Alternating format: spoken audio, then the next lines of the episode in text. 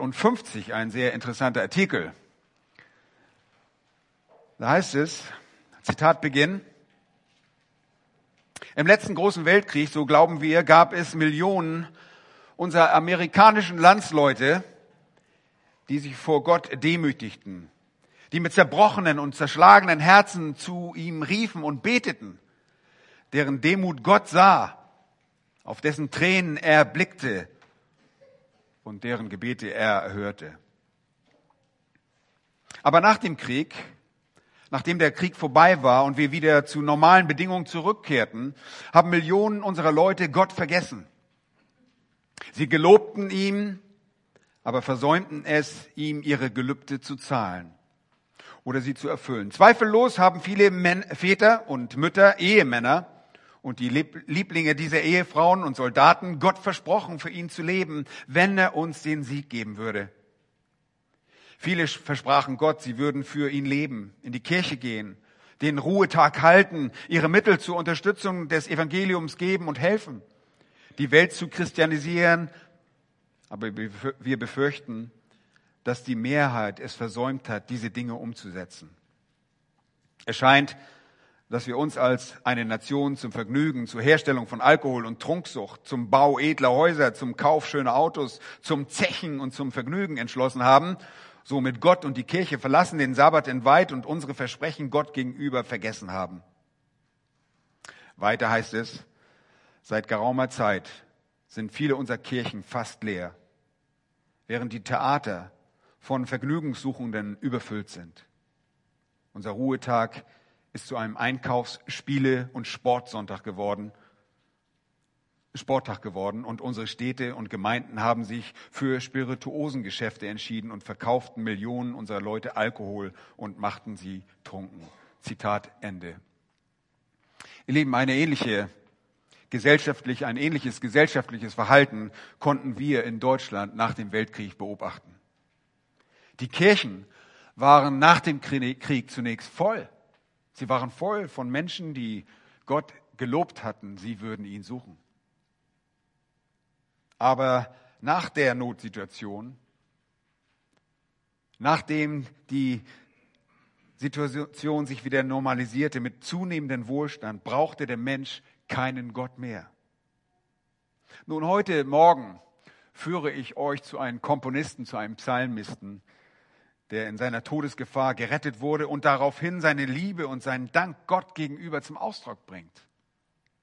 Er vergaß nicht, was ihm Jahwe, sein Gott, Gutes getan hatte. Und dazu bitte ich euch noch einmal, wir haben schon die Schriftlesung gesungen bekommen, aber ich möchte sie auf Deutsch nochmal lesen. Psalm 116 bitte. Psalm 116.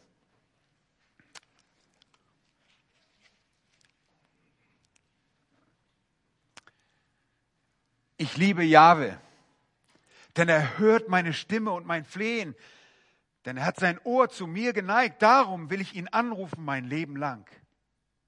Die Fesseln des Todes umfingen mich und die Ängste des Totenreiches trafen mich. Ich kam in Drangsal und Kummer. Da rief ich den Namen Jahwes an. Ach, Jahwe, errette meine Seele. Jahwe ist gnädig und gerecht. Ja, unser Gott ist barmherzig. Jahwe behütet die Einfältigen. Ich war ganz elend, aber er half mir.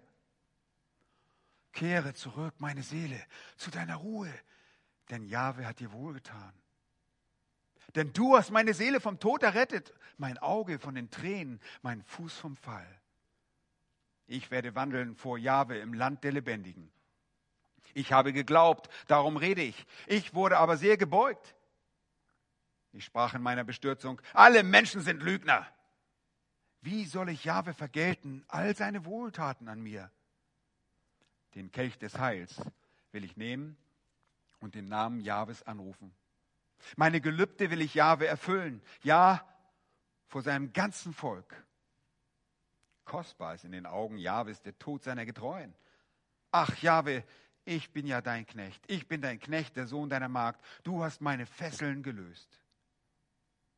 Dir will ich Dankopfer darbringen und den Namen Jahwes anrufen.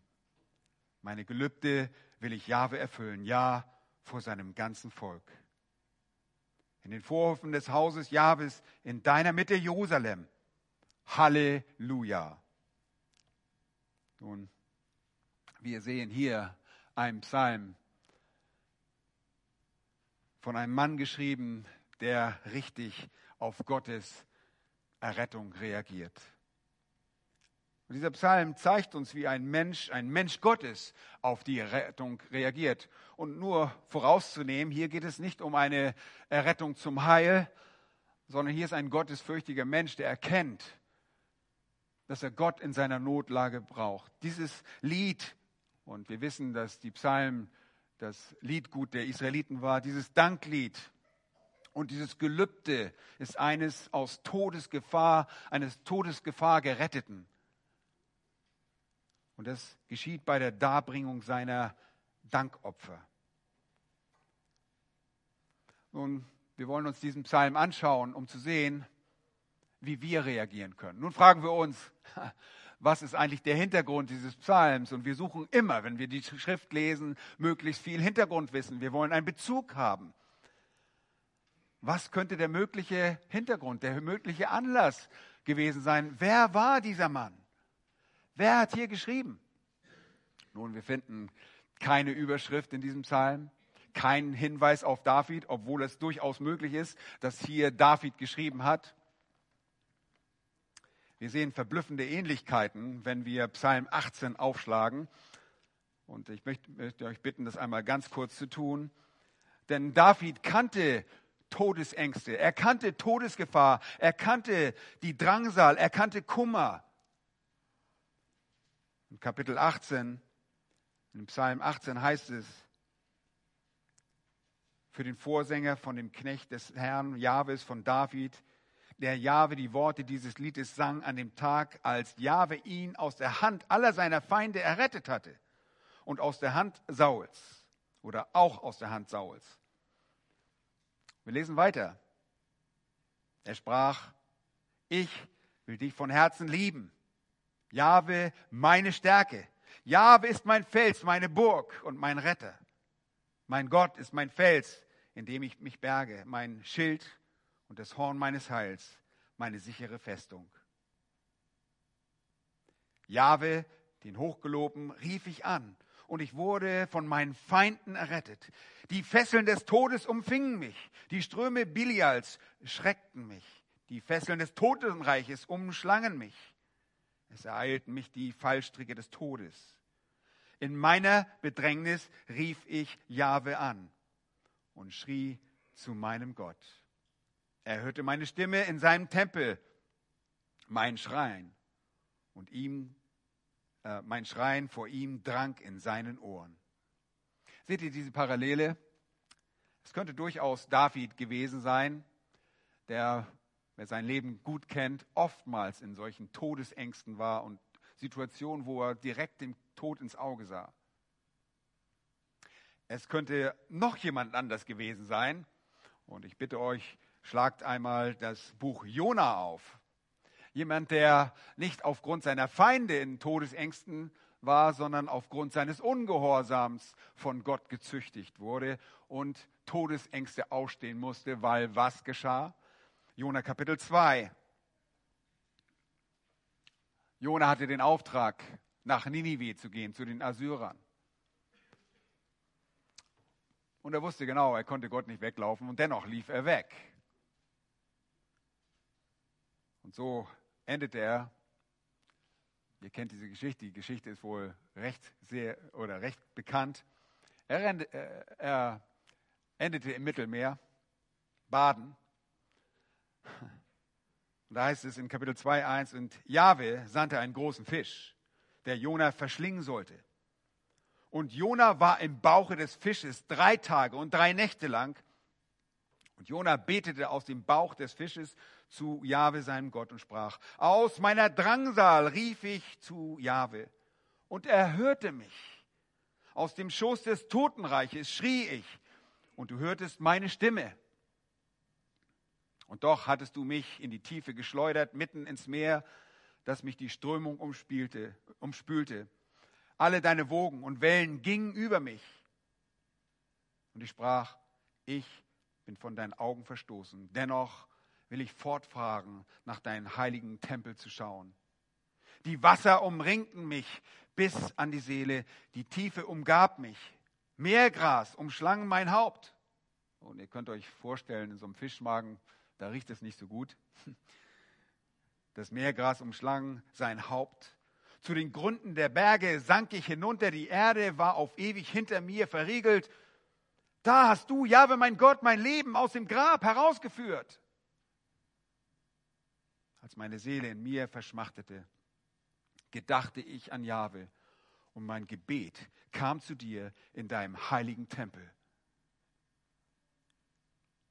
Nun, die Rettung kommt vom Herrn. Das wusste ein Jonah zu berichten. Es gibt andere Situationen. Ich könnte euch von König Hiskia berichten, der den Tod ins Auge sah, weil er todkrank war. Der Gott anrief und sein Gott erhörte ihn. Jahwe erhörte ihn und verlängerte sein Leben um 15 Jahre. Ich könnte euch, und das möchte ich auch tun, von Jeremia berichten. Jeremia, der leidende Prophet, der während der Zeit des Südreiches prophezeite und das Südreich immer wieder dazu aufforderte, umzukehren und das, das kommende Gericht durch die Babylonier abzuwenden. Er mahnte sie nachdrücklich. Aber wie es so oft war, die Propheten wurden nicht von ihren eigenen Landsleuten sehr geliebt. Und so sehen wir in Jeremia Kapitel 38, könnt ihr bitte aufschlagen, nachdem er bereits schon im Gefängnishof war, in dem er im Gefängnis war, kommt er in eine Zisterne, wird er in eine Zisterne geworfen. Und dort heißt es in Kapitel 38, Jeremia 38, Shephatja aber, der Sohn Mattans, und Gedalia, der Sohn Paschurs, und Juchal, der Sohn Schelemjas, und Paschur, der Sohn Malkias, hörten die Worte, die Jeremia zu dem ganzen Volk redeten, indem er sprach, so spricht Jahwe, wer in dieser Stadt bleibt, der muss sterben durch Schwert Hungersnot oder Pest. Wer aber zu den Chaldäern hinausgeht, die Chaldäer lagen vor Jerusalem, der soll am Leben bleiben. Er wird seine Seele als Beute davontragen und leben. So spricht Jahwe. Diese Stadt wird ganz gewiss in die Hand des Heeres des Königs von Babel gegeben werden und er wird sie einnehmen. Nun, die Fürsten, die das hörten, waren nicht so erbaut darüber. Sie sagten, Vers 4, da sprachen die Fürsten zum König, dieser Mann muss endlich getötet werden. Damit macht er nur die Hände der in dieser Stadt noch übrig gebliebenen Kriegsleute schlaff und auch die Hände des ganzen Volkes, weil er solche Worte an sie richtet. Denn dieser Mensch sucht nicht das Wohl, sondern das Unglück dieses Volkes. Da antwortete der König Zedekia, siehe, er ist in eurer Hand, denn der König vermag nichts gegen euch. Dann nahmen sie Jeremia und warfen ihn in die Zisterne des Königssohnes Malkia, die sich im Königshof befand. Und sie ließen ihn an Stricken hinunter in der Zisterne, aber war kein Wasser, sondern nur Schlamm. Und Jeremia sank in den Schlamm. Und hier ist die Situation. Es gibt kein Brot mehr für ihn. Er ist in einer Zisterne, die Schlamm am Boden hat und ihn bedeckt. Er ist in Todesgefahr. Und in, äh, in Klagelieder, Kapitel 3, wenn ihr dort später lest, seht ihr genau, dass er, während er das Leid in Kapitel 1 und 2 von Klageliedern von Jerusalem beklagt, in Kapitel 3 beklagt er sein Leid. Und er erinnert sich an dieses Ereignis, dass er in die Grube geworfen wird, den Herrn anruft und Jahwe sein Gebet hört und ihn rettet. Wie wird er gerettet? Vers 7 in Kapitel 38. Als aber Ebed Melech, der Kuschit, ein Kämmerer im Palast des Königs, hörte, dass man Jeremia in die Zisterne geworfen hatte, der König saß gerade im Tor Benjamin. Da verließ Ebed Melech den königlichen Palast und redete mit dem König und sprach, mein Herr und König, Jene Männer haben Unrecht getan in allem, was sie dem Propheten Jeremia zugefügt haben, indem sie ihn in die Zisterne geworfen haben. Er muss ja dort unter unten an Hunger sterben, denn es ist kein Brot mehr in der Stadt. Da befahl der König dem Kuschiten Ebed Melech, nimm 30 Männer von hier mit dir und zieh den Propheten Jeremia aus der Zisterne, bevor er stirbt. Und Jeremia schreibt uns, dass er in dieser Zeit gebetet hat. Er war in der Grube und der Herr erhörte ihn. Nun, eine ähnliche Situation, so glauben wir, hat der Psalmist durchlebt. Schaut noch einmal in Psalm 116 die Verse 3 und 4. Die Fesseln des Todes umringten mich und die Ängste des Totenreichs trafen mich. Ich kam in Drangsal und Kummer.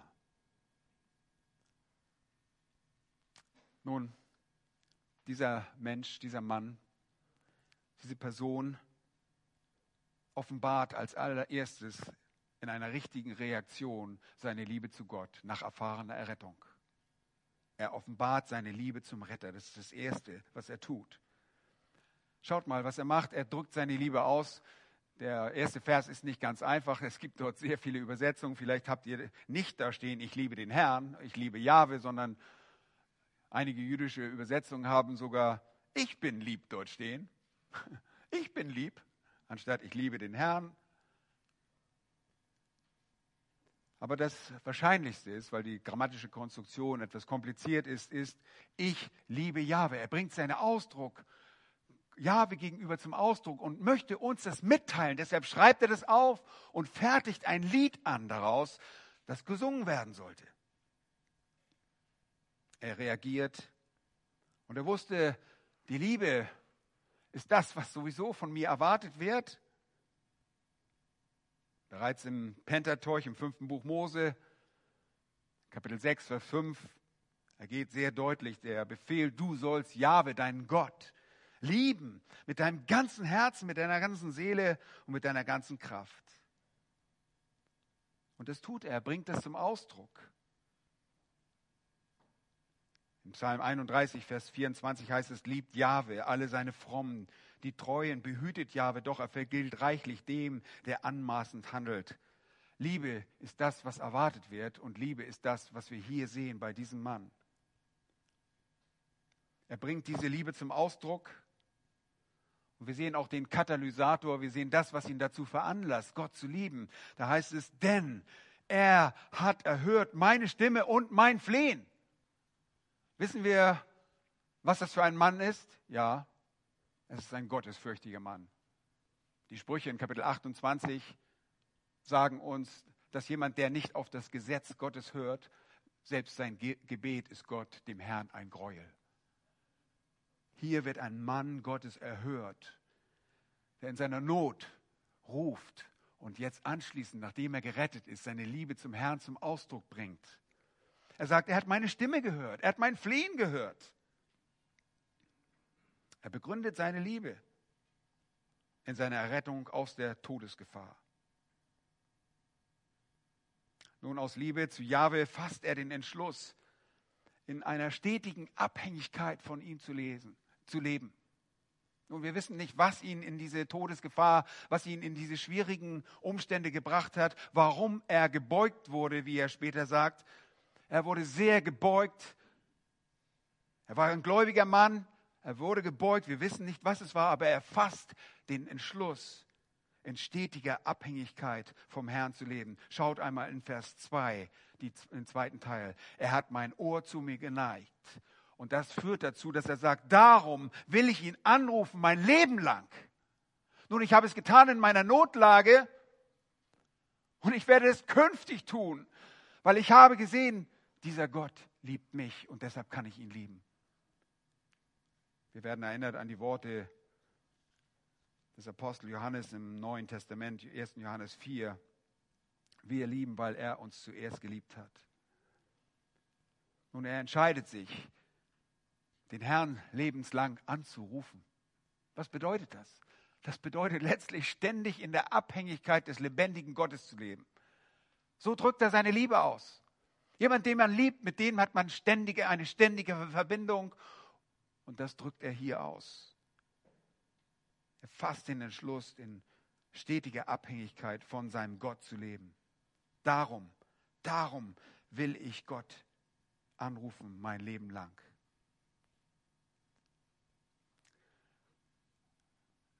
Das Kind Gottes, der Gottesfürchtige weiß, dass Gott hört. Der Psalmist drückt es im Psalm 94, Vers 9 folgendermaßen aus. Der das Ohr gepflanzt hat, sollte der nicht hören? Der das Auge gebildet hat, sollte der nicht sehen? Nun, der gottesfürchtige Schreiber dieses Psalms hat eindeutig gewusst, wo seine Hilfe zu suchen ist. Nun, dieser Psalm, Psalm 116, macht äh, ein Teil des Hallels aus, des ägyptischen Hallels. Und das Hallel wurde in Erinnerung an das Passa in zwei Teilen gesungen im Kreise der jeweiligen jüdischen Familie oder Pilgergruppe.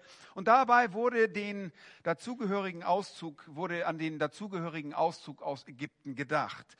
Es war die kollektive Errettung, die auch in den übrigen äh, Psalmen, die zu diesem ägyptischen Hallel gehören, auch zum Ausdruck kommen.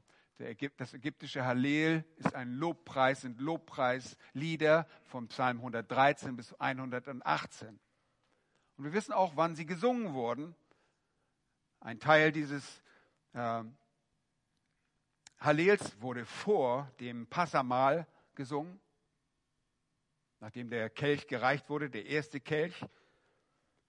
Und dann nach dem Mahl wurde auch der zweite Teil gesungen. Nun, bei der Feier wurde der kollektiven Errettung, aber eben auch der individuellen Rettung des Einzelnen gedacht. Die einzelne, die Errettung des Einzelnen wird nicht übersehen. Im Gegenteil, sie wird hier sehr betont. Es ist der Psalm eines Dankliedes, eines Lobliedes eines Einzelnen. Und das ist interessant. In Vers 1 festzustellen, und man kann diesen Vers auch anders übersetzen, mir gefällt eine andere Übersetzung etwas besser, und zwar folgende, ich liebe Jahwe, denn er hört die Stimme meines Flehens. Nicht er hat sie erhört in der Vergangenheit.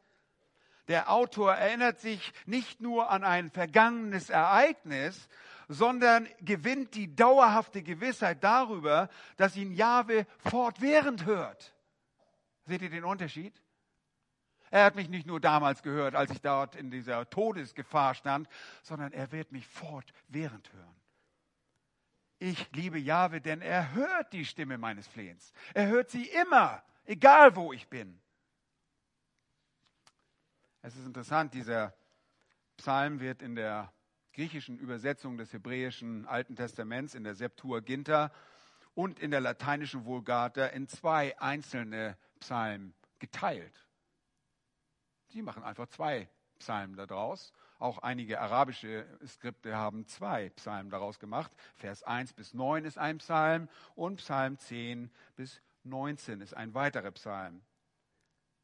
Vers 1 bis 9 ist Psalm 114 in der Septuaginta und Verse 10 bis 19 ist Psalm 115. Um das wieder zu kompensieren, machen sie aus Psalm 113 zwei Psalmen. Ähm, ja, es ist einfach ganz interessant. Damit bleibt im Endeffekt die Anzahl der Psalmen gleich. Aber der erste Lobgesang wurde nun bei diesen Festen vor der Reichung des zweiten gereichten Bechers äh, gesungen. Und es ist interessant, diese sogenannte Pesach-Liturgie ist eine sehr alte Liturgie und man geht davon aus, dass wahrscheinlich unser Herr Jesus Christus diese Psalmen selbst gesungen hat, als er rausging hinaus zum Ölberg, nachdem er aus dem oberen Saal mit seinen Jüngern zum Ölberg ging. Da heißt es in Matthäus 26, Vers 30, als sie ein Loblied gesungen hatten. Und ihr Lieben, das Hallel ist dieses Loblied. Wahrscheinlich haben sie dieses, nicht unwahrscheinlich, dass sie genau diese Psalmen, Psalm 113 bis 118 und eben auch 116 gesungen haben. Genauso in Markus 16, 14, Vers 26 heißt es, als sie ein Loblied gesungen hatten, nachdem sie das Passa gefeiert hatten, gingen sie hinaus zum Ölberg. Nun, dieser Psalm findet sehr viel Anwendung, in, äh, wurde oftmals vertont und das nicht nur ähm, von den Juden selbst, von den Israelis selbst, sondern auch ähm, in der Geschichte unserer Musiker. Wir wissen das in der Kirchen, einer Kirchenkantate von Johann Sebastian äh, Bach, äh, die Bachwerk, das Bachwerkverzeichnis 21, äh, hat eine Kantate mit dem Titel Ich hatte viel Bekümmernis. Und ihr Lieben, neulich bin ich um halb zwei oder halb drei nachts aufgewacht und ich habe mir diese Kantate angehört, die geht um 38 Minuten. Und dort kommt eben auch dieser Psalm 116, wird er vertont und der Chor singt im zweiten Teil der Bachkantate aus dem Jahr 1714 diese Zeile. Sei nun wieder zufrieden, meine Seele, denn der Herr tut dir gut. Diese Erlösung wird zum Mittelpunkt. Nun, diese Liebe bringt dieser Psalmist zum Ausdruck und er redet davon, weil er Liebe hat, weil er gerettet ist. Aber er bringt sie eben auch zum Ausdruck, er bringt auch zum Ausdruck, dass er in der stetigen Abhängigkeit vom Herrn leben will. Aus Liebe fasst er auch den Entschluss, Gott öffentlich seine Gelübde zu bezahlen. Schaut einmal in, Vers, in die Verse 12 bis 14 und dann die Verse 17 bis 19. Ich lese nach der Menge Übersetzung die Verse 12 bis 14. Wie soll ich dem Herrn vergelten alles, was er mir Gutes getan hat? Wie soll ich Jahwe das vergelten? Den Becher des Heils will ich erheben und den Namen Jahwes anrufen. Meine Gelübde will ich bezahlen, will ich dem Herrn bezahlen, will ich Jahwe bezahlen, ja angesichts seines ganzen Volkes. Und dann die Verse 17 bis 19. Dir will ich Dankopfer bringen und den Namen Jahwes anrufen. Meine Gelübde will ich bezahlen. Jahwe bezahlen. Ja, angesichts seines ganzen Volkes. In den Vorhöfen am Hause Jahwes, in deiner Mitte Jerusalem. Lobet Jahwe. Halleluja heißt es dort. Nun, er fasst den Entschluss, Gott öffentlich seine Gelübde zu bezahlen. Nun, jetzt fragt ihr euch, was sind denn Gelübde? Nun, das sind Gelöbnisse. Und vielleicht kennt ihr die Gelöbnisse, äh, die in der Schrift vorkommen. Es gibt einige Gelöbnisse.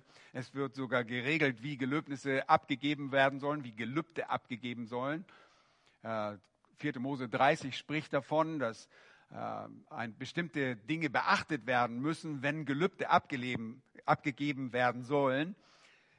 Gelübde sind alttestamentliche Weiheversprechen, Weihegelöbnisse. Und damit unterstrich der Beter, der die Aufrichtigkeit seiner Bitte damit betonen wollte, seine Aufrichtigkeit. Und als Dank für die Erfüllung wollte er sich selbst oder wertvollen Besitz oder Opfer hingeben. Nun, diese Opfer, diese, Entschuldigung, diese Gelübde waren immer freiwillig. Niemand wurde dazu gezwungen, irgendein Gelübde abzuleben. Sie sind freiwillig, sie wurden niemandem aufgezwungen. Aber es wird sehr ernsthaft ge davor gewarnt, irgendwelche Gelübde vorzeitig und leichtfertig abzugeben. Das wird geregelt. In 5. Mose Kapitel 23, die Verse 22 bis 24 wird davor gewarnt, vorsichtig zu sein. Kinder im Haushalt lebende bei ihren Eltern mussten das Einverständnis der Eltern zur Erfüllung eines Gelübdes, Ehefrauen, die ihres Mannes, wurde diese Zustimmung dann versagt, so galt das Gelübde vor dem Herrn als nicht gegeben. Das heißt, wenn meine Frau also anfing und sagen würde, ja, ich gebe alles weg, mein ganzes Haus, dann würde ich ja sagen, oh, nein, nein, nein, nein, ja, okay, du kannst es ja zwar geloben, aber sie kriegt nicht meine Zustimmung. Also das Gelübde würde nicht als stattgefunden gelten. Nun, vielleicht erinnert ihr euch an Gelübde in der Schrift und ganz hervorstehend ist natürlich das Gelübde der Hanna, die in sehr bedrängnisvollen, nicht unter lebensbedrohlichen Situationen war, in einer lebensbedrohlichen Situation war, aber sie fühlte sich auf jeden Fall so, als würde ihr Leben bedroht sein. Sie wäre am liebsten tot gewesen. Schlacht dazu einmal nur kurz äh, 1. Samuel Kapitel 1 auf. In 1. Samuel 1 sehen wir, dass Penina, die andere Frau, Kinder hatte. Äh, da heißt es in 1. Samuel 1, Vers 1, es war ein Mann aus Ramathaim, Zophim, vom Bergland Ephraim, der hieß Elkanah, ein Sohn Jerohams, des Sohnes Elihus, des Sohnes Tohus, des Sohnes Zufs, des Ephratitas. Er hatte aber zwei Frauen. Die eine hieß Hannah, die andere Peninna. Peninna hatte Kinder und Hannah hatte keine Kinder. Dieser Mann nun ging Jahr für Jahr hinauf aus seiner Stadt, um Jahwe Zebaoth anzubeten und ihm zu opfern in Silo. Dort waren Hofni und Pineas, die beiden Söhne Elis, Priester Jahwes. An dem Tag nun, als Elkanah opferte, gab er seiner Frau Pinina und allen ihren Söhnen und Töchtern Anteile vom Opfermahl. Hannah aber gab er doppelten Anteil, denn er hatte Hannah lieb. Aber Jahwe hatte ihren Mutterleib verschlossen. Und ihre Widersacherin reizte sie, das heißt, reizte Hannah sehr mit kränkenden Reden, um sie darüber zu erzürnen, dass Jahwe ihren Leib verschlossen hatte.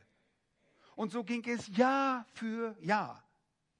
So oft sie zum Haus Jahwes hinaufzog, kränkte jene sie so, dass sie weinte und nichts aß. Elkanah, aber ihr Mann, sprach zu ihr, Hannah, warum weinst du? Warum isst du nicht? Warum ist dein Herz so traurig? Bin ich dir nicht mehr wert als zehn Söhne? Sehr, sehr viel Mitgefühl, ja. Und eines Tages stand Hannah auf, nachdem sie in Silo gegessen und getrunken hatte. Eli der Priester saß eben auf seinem Stuhl beim Türpfosten des Tempels Jahwes. Sie aber, betrübt wie sie war, betete zu Jahwe und weinte sehr. Und sie legte ein Gelübde ab, das ganz offensichtlich mit ihrem Mann abgesprochen werden musste, sonst wäre es ungültig werden. Stell dir vor, deine Frau verspricht da irgendwas und äh, das ist nicht nur irgendwas, sondern das ist ihr Sohn, der nicht nur ihr geboren wird, sondern auch ihm. Aber sie legt einem Gelübde ab. Jahwe, Zebaoth, wenn du das Elend deiner Magd ansehen und mich, an mich gedenken und deiner Magd nicht vergessen wirst und deiner Magd einen Sohn geben wirst, so will ich ihm Jahwe geben, solange er lebt und kein Schermesser soll sein Haupt, auf sein Haupt kommen. Während sie nun lange vor Jahwe betete, beobachtete, ihn, äh, beobachtete Eli ihren Mund. Und um das kurz zu machen, Eli denkt, sie ist ein bisschen betrunken. Die kommt da betrunken in den Tempel. Aber sie äh, weiht ihn ein und sagt einfach, ich bin schweren Gemütes, Vers 15. Nein, mein Herr, ich bin eine Frau von schwerem Gemüt. Wein und starkes Getränk habe ich nicht getrunken, sondern ich habe mein Herz vor Jahwe ausgeschüttet. Und sie verspricht ihren Sohn, dass wenn sie einen Sohn bekommt, dass sie den Jahwe geben würde. Nun, auch das wurde reguliert. Erstgeburt durfte nicht dem Herrn gegeben, wie sie gehörte ihm ohnehin. Aber es war nicht die Erstgeburt in dieser Familie, denn Penina hatte schon Söhne und Töchter. Es war nicht die Erstgeburt. So war es nicht die Erstgeburt von Elkanah. Und so konnten sie Samuel, was übrigens auch heißt, von Gott erbeten, konnten sie ihm als ein gelübde Geschenk Gott weihen. Und das tut, tut äh, Hannah auch, nachdem Samuel geboren wird, bringt sie ihn an, den Haus, an das Haus des Herrn, in die Stiftshütte äh, zu Eli, wo er seine Zeit seines Lebens dienen wird. Ja, er wird ein Diener Gottes werden. Dieses Gelübde erfüllt auch der Psalmist. In Malachi 1, Vers 14 heißt es, verflucht sei der Betrüger, der in seiner Herde ein männliches Tier hat und ein Gelübde tut und dann doch dem Herrn ein Verdorbenes opfert. Hier sehen wir jemanden, der sein Gelübde einhalten möchte. Und zwar nicht irgendwo, sondern wie heißt es hier? Meine Gelübde, Vers 14, will ich Jahwe erfüllen vor dem ganzen Volk. Vor dem ganzen Volk in der Öffentlichkeit. Und das schafft Verantwortlichkeit und dieses Gelübde wurde meistens in Form eines Opfers dargebracht, ein Dankopfer, bei dem ein Stier dargebracht wurde, irgendein Tier. zusammen mit einem Trankopfer in diesem Fall, denn er nimmt Bezug auf einen Kelch, den Kelch des Heils. Das ist wahrscheinlich figurativ, bildhaft dargestellt. Wir kennen den Kelch des Zornes, wir kennen den Kelch des Leidens, aber der Kelch des Heils, das, was er gerade erlebt hatte, das will er heben, das will er vor, vor Jahwe bringen. Und er bringt wahrscheinlich ein Trankopfer im Zusammenhang mit diesem Dankopfer, das er als Gelübde erfüllen wird. Er ist ein treuer Mann. Ein treuer Mann, der richtig reagiert und seine Liebe gegenüber Jahwe zum Ausdruck bringt. Nun, als zweites, er vergisst nicht die erlebte Not. Und ich habe zu Beginn in dieser Geschichte, die ich da auf dem Internet gefunden habe, in der Zeitung, in dieser amerikanischen Zeitung, betont, dass die Soldaten, wenn sie aus dem Krieg kamen, den Wohlstand wieder erlebten, sie vergaßen. Er vergisst die erlebte Not nicht. Und das bringt ihn dazu, dass er handelt, dass er treu handelt. Er erinnert sich an seine Todesgefahr. Nun, du denkst vielleicht, meine Güte, ich habe diese Todesgefahr noch nicht gehabt. Ich weiß, einige von euch hatten diese Todesgefahr.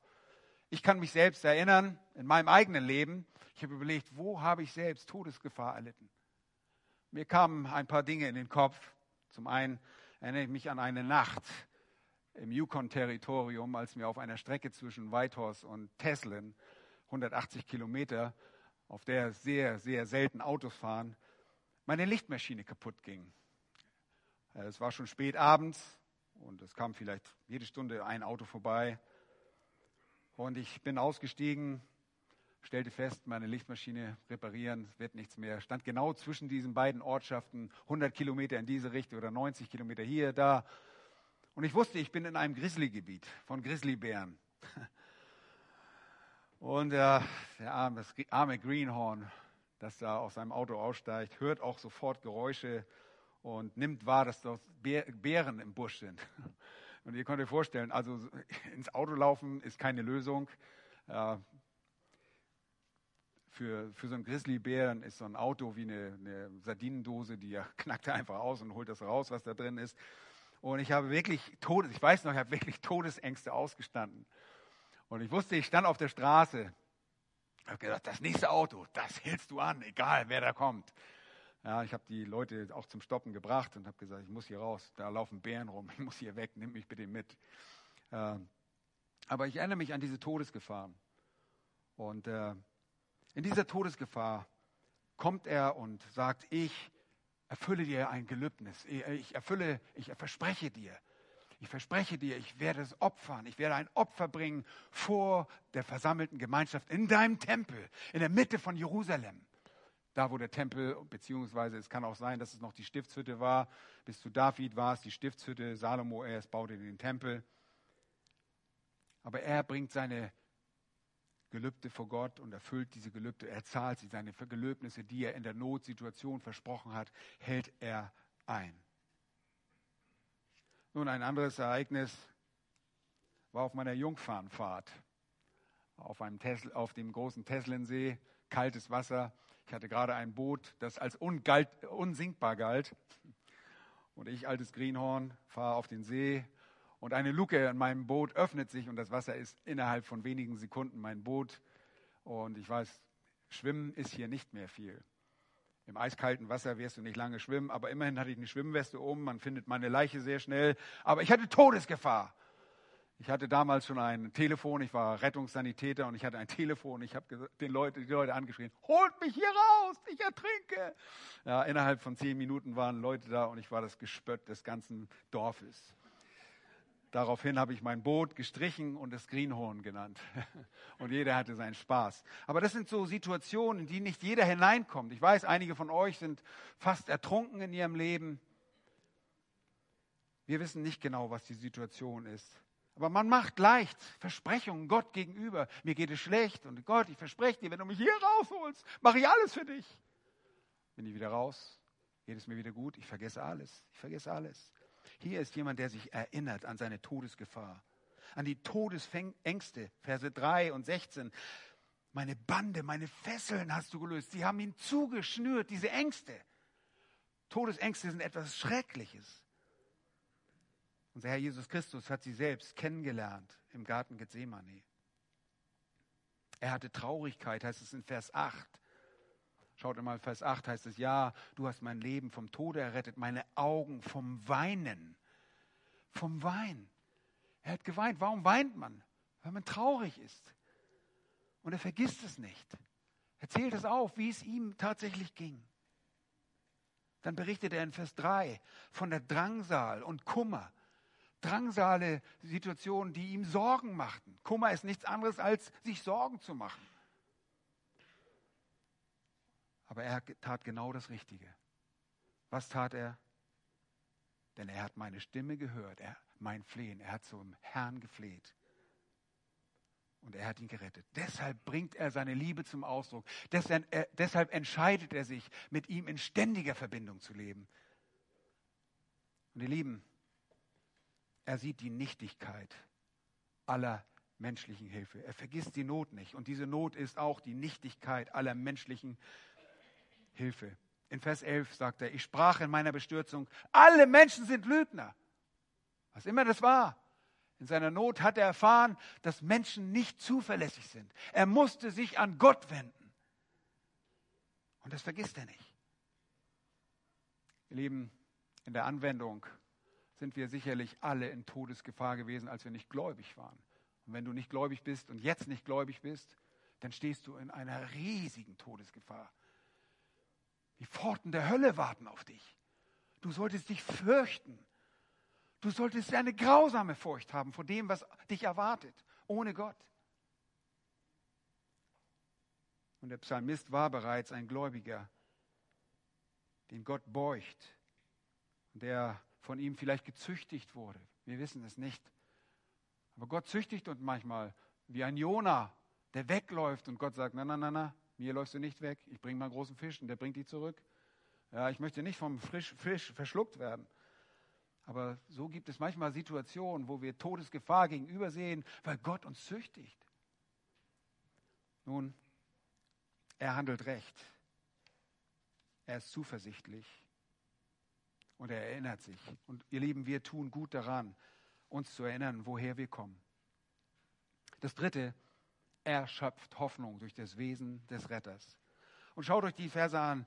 Das Wesen des Retters, seines, seines Retters wird hier so umfänglich beschrieben. Schaut nur einmal in Vers 5. Da heißt es, gnädig ist Jahwe und gerecht. Unser Gott ist voll Erbarmens. Das hat er gewusst. Er hat gewusst, er ist gnädig. Gnädig heißt, dass er uns etwas zugesteht, was uns nicht eigentlich zugesteht. Dass er uns etwas zubilligt. Dass er uns behandelt gemäß einer unverdienten Gunst. Das ist Gnade. Wir sprechen sehr oft in unserer Gemeinde darüber, dass Gott uns nicht behandelt nach dem, was wir verdient haben, sondern dass er gnädig ist. Und dann wird eine weitere Eigenschaft, ein weiterer Wesenzug, seine Barmherzigkeit wird betont. Gott lässt sich ja bitten, er hat Mitgefühl. Er sieht, wenn wir in Todesnot sind, wenn wir in Bedrängnis sind, wenn wir uns Kummer machen, dann sieht er uns. Er ist barmherzig, er hat Mitgefühl. So stellt sich übrigens Gott auch vor. Wir haben das heute in der ersten Stunde am Sinai, als, als Mose dann die zweiten Gesetzestafeln äh, bekommt, in Kapitel 34 ist das, da, da sagt er, ein gnädiger, barmherziger Gott. Er lässt sich erbitten. Aber getrennt davon, von dieser Gnade und Barmherzigkeit ist nicht seine Gerechtigkeit, sondern er ist auch gerecht.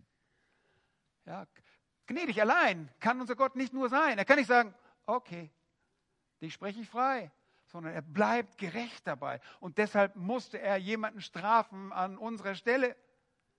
Und diese Gerechtigkeit wurde erst dann erfüllt, als Jesus am Kreuz starb. So lange hatte Gott Geduld. Und dann wurde diese Gerechtigkeit erwirkt durch unseren Herrn Jesus Christus, der die Sünde der Welt auf sich nahm, der alle derjenigen, die an ihn glauben sollten. Wisst ihr, dass unser Herr Jesus Christus für einen Abraham sterben musste? Ein Abraham wurde nur gerechtfertigt, nicht nur, weil er glaubte und Gott gnädig war, sondern weil der Herr, der kommen sollte, für ihn sterben würde und die Sünde bezahlen würde. Vorausschauend wusste er, es muss ein Erlöser kommen. Nun, es heißt in Vers 6, dass er ein Hüter ist. Vers 6, der Herr schützt den, oder Jahwe schützt den, der unbeehrt oder der schwach äh, ist und auf ihn traut. Ja, lass mich kurz mal aufschlagen, was die Schlachter sagt an der Stelle. Ja. Vers 6, Jahwe behütet die Einfältigen. Diejenigen, die keine Kenntnis haben, um sich zu verteidigen, Leute, die sich leicht verführen lassen, die Einfachen. Er sagt, ich war ganz elend, ich war schwach, aber er half mir. Wir sehen hier, er ist Hüter er, und er ist Hilfe. Er half mir. Nun, welcher Psalm ist besser als das auszudrücken, als der Pilgrimpsalm, der Stufenpsalm 121? Meine Hilfe kommt von dem, der Himmel und Erde gemacht hat. Und der Psalmist wusste darum. Gott ist ein Hüter. Gott ist gnädig, er ist gerecht, er ist barmherzig, er ist ein Hüter, er ist ein Helfer. Er hilft denen, die in Not sind. Psalm 40, Vers 14 hat David es erlebt, dass er ein Helfer ist. Schlag das einmal kurz auf. Psalm 40. Wir kennen alle auch die Telefonnummer Gottes. Rufe mich an in der Not. So werde ich euch erretten. Psalm 50, 15. Aber Psalm 40, Vers 14. Jahwe, lass es dir gefallen, mich zu retten.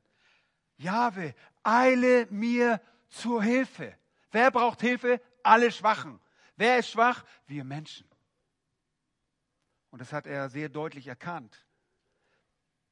Deshalb schöpft er Hoffnung durch das Wesen seines Retters. Vers 18, Psalm 40 und Vers 18. Bin ich auch elend und arm? Für mich sorgt der Herr. Du bist meine Hilfe und mein Retter. Mein Gott, säume nicht. Und das wusste er. Gott tut Gutes. Vers 7. In Vers 7 heißt es, kehre zurück meine Seele. Jetzt spricht der Psalmist zu sich selber. Er ermahnt sich selbst, kehre zurück zu deiner Ruhe. Eigentlich steht dort zu den Ruhen, vollen Ruhen. Denn volle Ruhe gibt es nur bei Jahwe selbst, bei Gott selbst. Denn Jahwe hat dir wohlgetan, er hat dir Gutes getan. Absolute Ruhe, absoluter Frieden ist nur wo zu finden, ist nur bei Gott zu finden. Jesus sagt auch, nimmt auf euch mein Joch, denn mein Joch ist leicht und meine Last ist sanft oder ja. Und ich gebe euch Frieden, sagt er, für eure Seelen. Absoluter Frieden, absolute Ruhe gibt es nur beim Herrn. Und das sagt er sich selber jetzt. Er hat diese Hilfe erfahren und er ist ganz begeistert davon zu berichten. Und das ist wirklich, schaut einmal rein, Psalm 116, die ersten Verse sind eigentlich nur ein Bericht, das ist kein Gebet. Das Gebet, was er da sagt, äh, spricht, ist in Vers 4. Ach ja, er rette meine Seele, das ist das Gebet. Sonst berichtet er nur davon, wie seine Umstände waren. Und dann erkennt er einfach das Wesen seines Herrn. Vers 7, kehre zurück meine Seele. So ähnlich wie aus Psalm 42. Was betrübst du durch meine Seele, bist du unruhig in mir? Ja, wir müssen uns ständig daran erinnern, uns selbst erinnern, uns selbst anpredigen. Und dann wird er so begeistert. Schaut einmal in Vers 8. Auf einmal spricht er zum Herrn. Bisher ist das noch gar kein Zwiegespräch, noch kein Gebet, aber in Vers 8 spricht er auf einmal den Herrn selbst an. Denn du hast meine Seele vom Tod errettet. Mein Auge von Tränen, mein Fuß vom Fall. Gott ist ein Retter. Er tut Gutes. Das haben die Psalmisten alle erkannt. Das wird so häufig wiederholt. Wir erinnern uns äh, im ersten Buch Mose, dass Josef seinen Brüdern sagt im Psalm, äh, im ersten Buch Mose, Kapitel 50, Vers 20, ihr dachtet es Geböse zu tun, aber Gott dachte es was? Gutes daraus zu machen. Er hat Gutes im Sinn.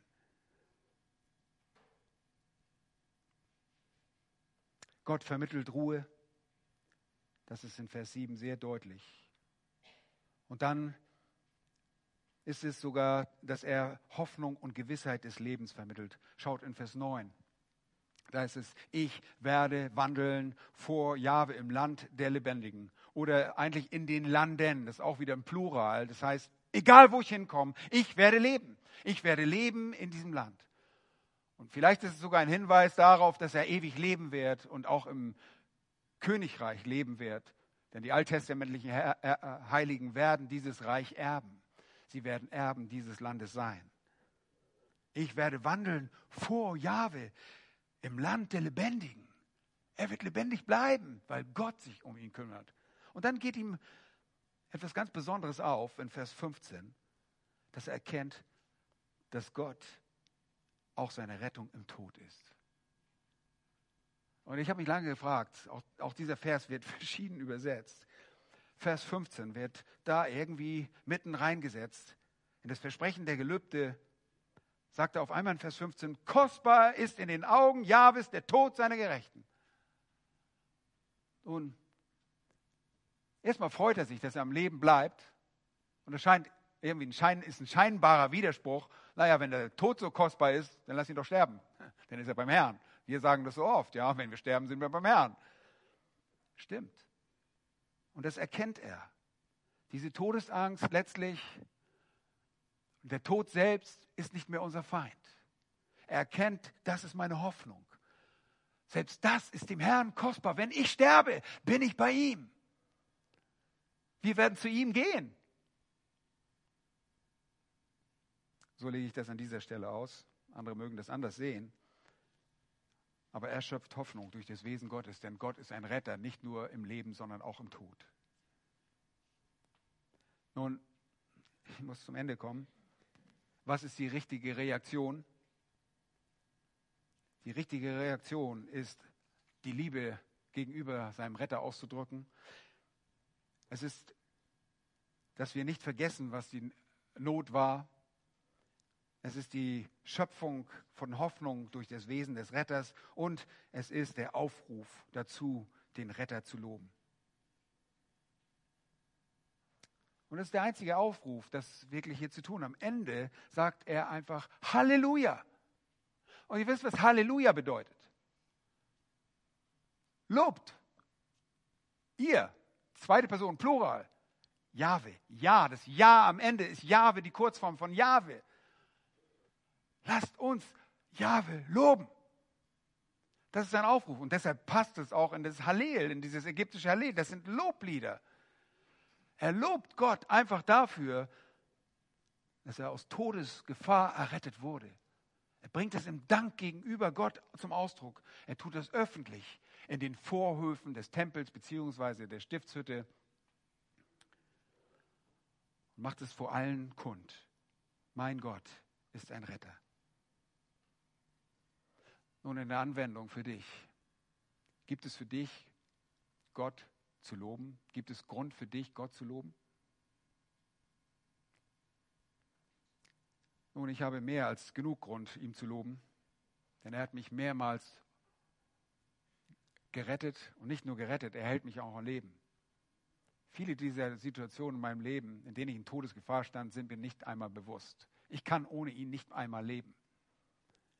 Ich hatte sehr viele beinahe Todeserlebnisse. Ich erinnere mich, als mein Motorradlenker bei 140 Stundenkilometer ins Schlackern kam und ich äh, nur mit Mühe das Motorrad noch gerade zum Stehen bekam.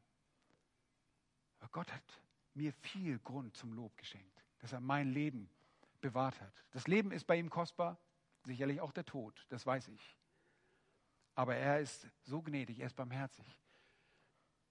Er ist ein Hüter und er ist ein Helfer. Er tut nur Gutes. Und für seine Kinder sowieso. Seine Güte wäret ewiglich. Wir haben so viel Grund. Wenn du Gott nicht persönlich kennst, dann solltest du Todesgefahr, dann solltest du Todesängste haben. Die sind gerechtfertigt. Die sind nicht umsonst da. Denn du wirst eines Tages vor dem lebendigen Gott Rechenschaft abgeben für dein Leben. Und es ist kein Spiel.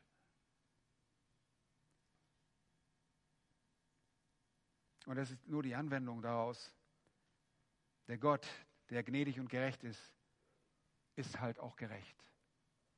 Er muss in seiner Gerechtigkeit die Sünde verdammen. Wenn du nicht jemanden hast, der für dich bezahlt hat, der die Schuld, deine Versagen, deine, deine Übertretung bezahlt hat, dann wirst du selber zahlen müssen in einer ewigen Verdammnis. Und das ist die Wahrheit. Preis den Herrn für, Vorbild, für, für, Vorbilder wie diese Männer, die richtig reagieren, die ihre Liebe zum Ausdruck bringen. Willst du deine Liebe auch zum Ausdruck bringen? Dann tu es in dieser Woche. Lass uns zusammen beten.